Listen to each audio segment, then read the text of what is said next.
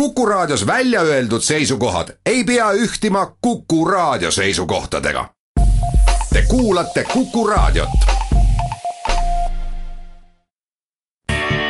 eurominutid.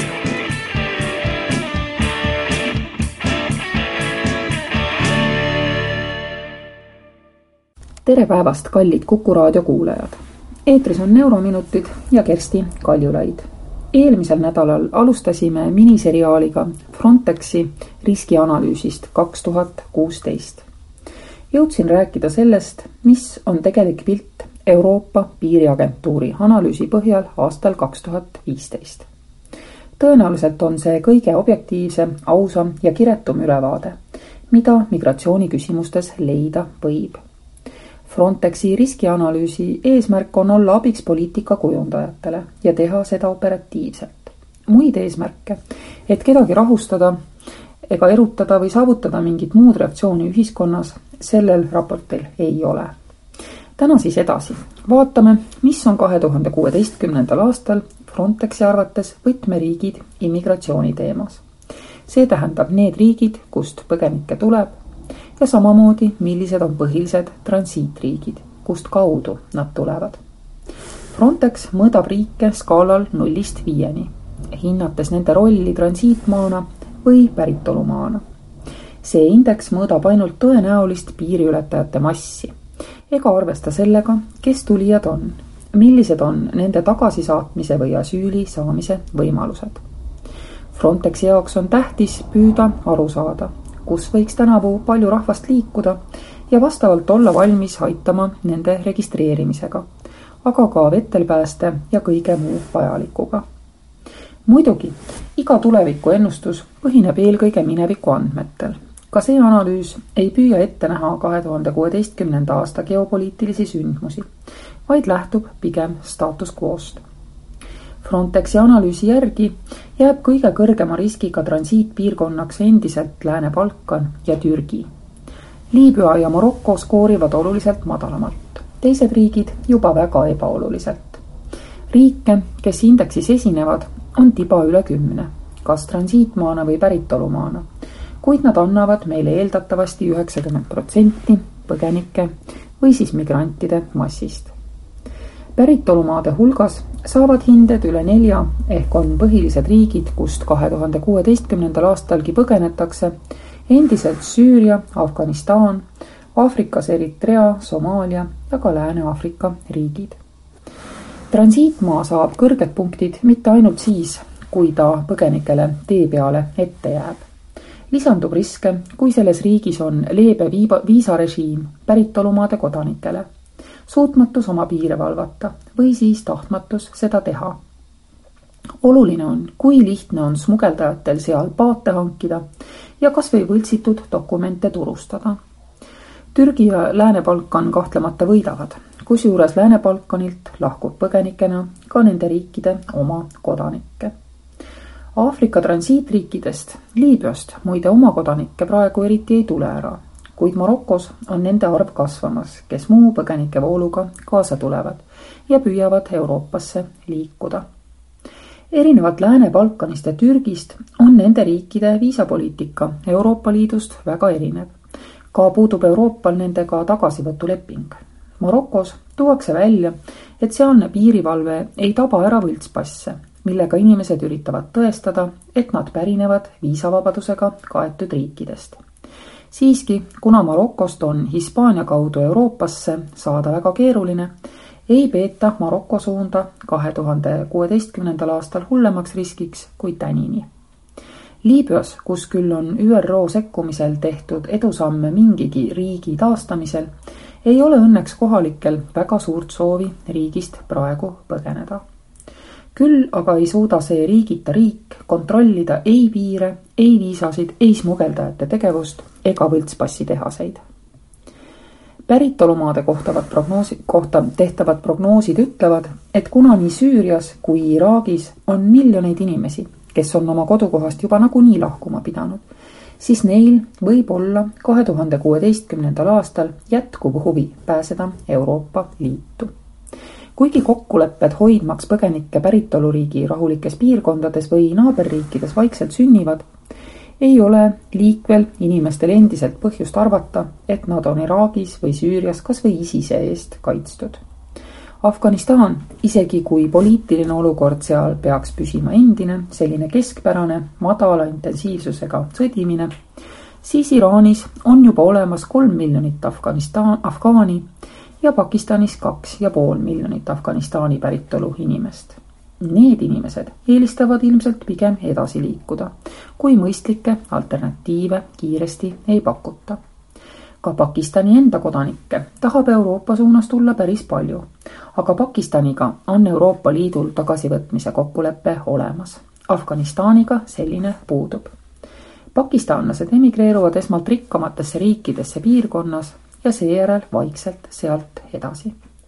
põhiline faktor on palgataseme erinevus Pakistanis ja peaaegu igal pool mujal.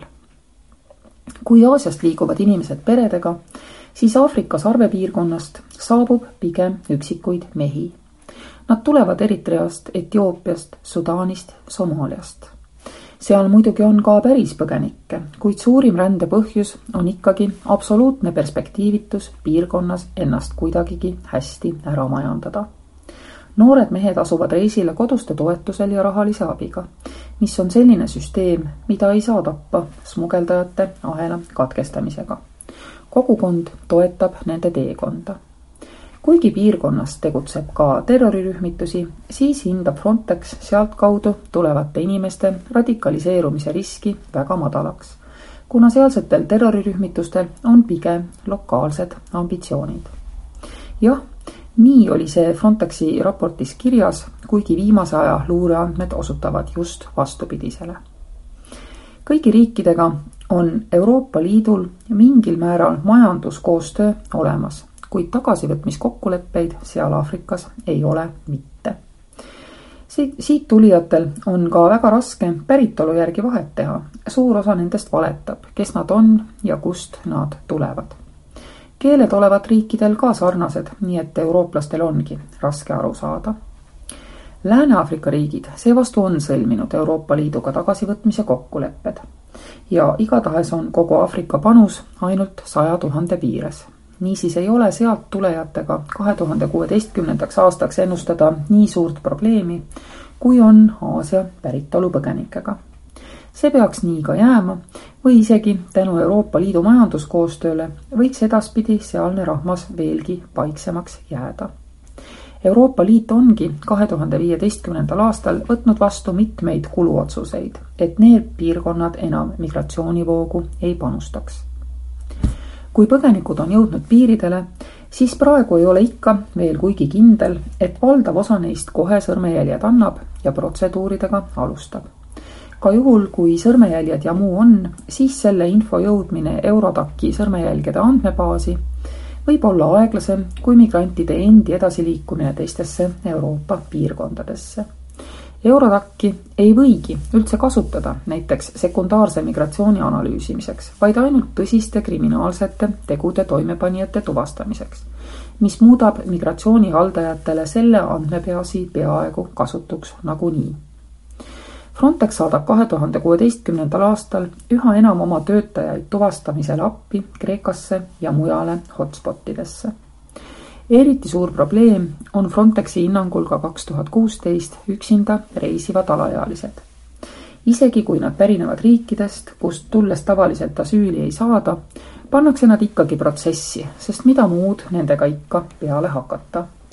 peale selle jäävad nad pea alati nende kogukondade ja külade hooldada, kust nad kätte saadakse ning nende osas pole erilist selgust, mis nendega Euroopas edasi peale tuleks hakata Frontex rõhutab, et peab kasvama ka võimekus kontrollida, et alaealine ikka seda on ja seda kõikjal hotspotides. seni on siin suuremaid edusamme teinud Rootsi ja leidnud väga palju ennast nooremaks valetanuid.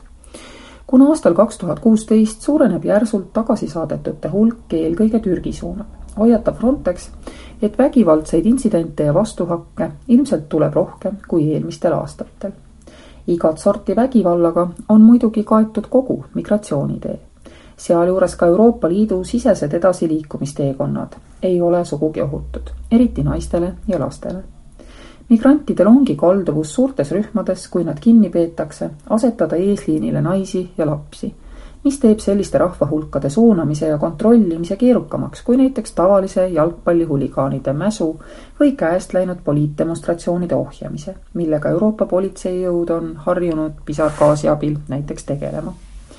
põhiline kaosest väljumise meetod kahe tuhande viieteistkümnendal aastal oli migrantide bussidele laadimine ja nende sihtkohta saatmine, siis peamiselt Saksamaale. seda nõksu aga tänavu enam kasutada ei kannata Vahemere ääres on teised mured. kuna kõlblikud laevukesed kipuvad piirkonnas lõppema, siis on esinenud juhtumeid, kus piirivalvuritelt relva ähvardusel üritatakse oma pähklikoori tagasi vallutada. selliseid intsidente võib tulla järjest sagedamini. harva on juhtunud ka seda, et Frontexi valvekaatreid ignoreeritakse või isegi tulistatakse. niisuguseid intsidente ei saa edaspidigi välistada kahe tuhande kuueteistkümnendal aastal jätkub töö selle nimel, et eelkõige tagasisaatmine muutuks efektiivsemaks. see tundub olevat ainukene toimiv tööriist migratsioonivoogude peatamiseks, sest lootust päritolupiirkondade imeliseks muutumiseks Frontex ega vist ka keegi teine ei näe. Euroopa Liit astub samme, et igas riigis oleks ühesugune arusaam turvalistest päritolumaadest ja suutlikkus migrante tagasi saata praegu saavad tagasi saadetud umbes pooled nendest, kelle kohta vastav otsus on tehtud. siin on väga suur parandamise ruum. niisugune lubab siis tulla migratsiooniaasta kaks tuhat kuusteist. vähemalt on Euroopa Liidul palju rohkem andmeid ja palju rohkem tahet nende andmete põhjal tegutseda, kui oli veel kevadel kaks tuhat viisteist järgmisel nädalal räägin Frontexi tuletatud pikemaajalistest tulevikustsenaariumitest. Kuulmiseni Eurominutid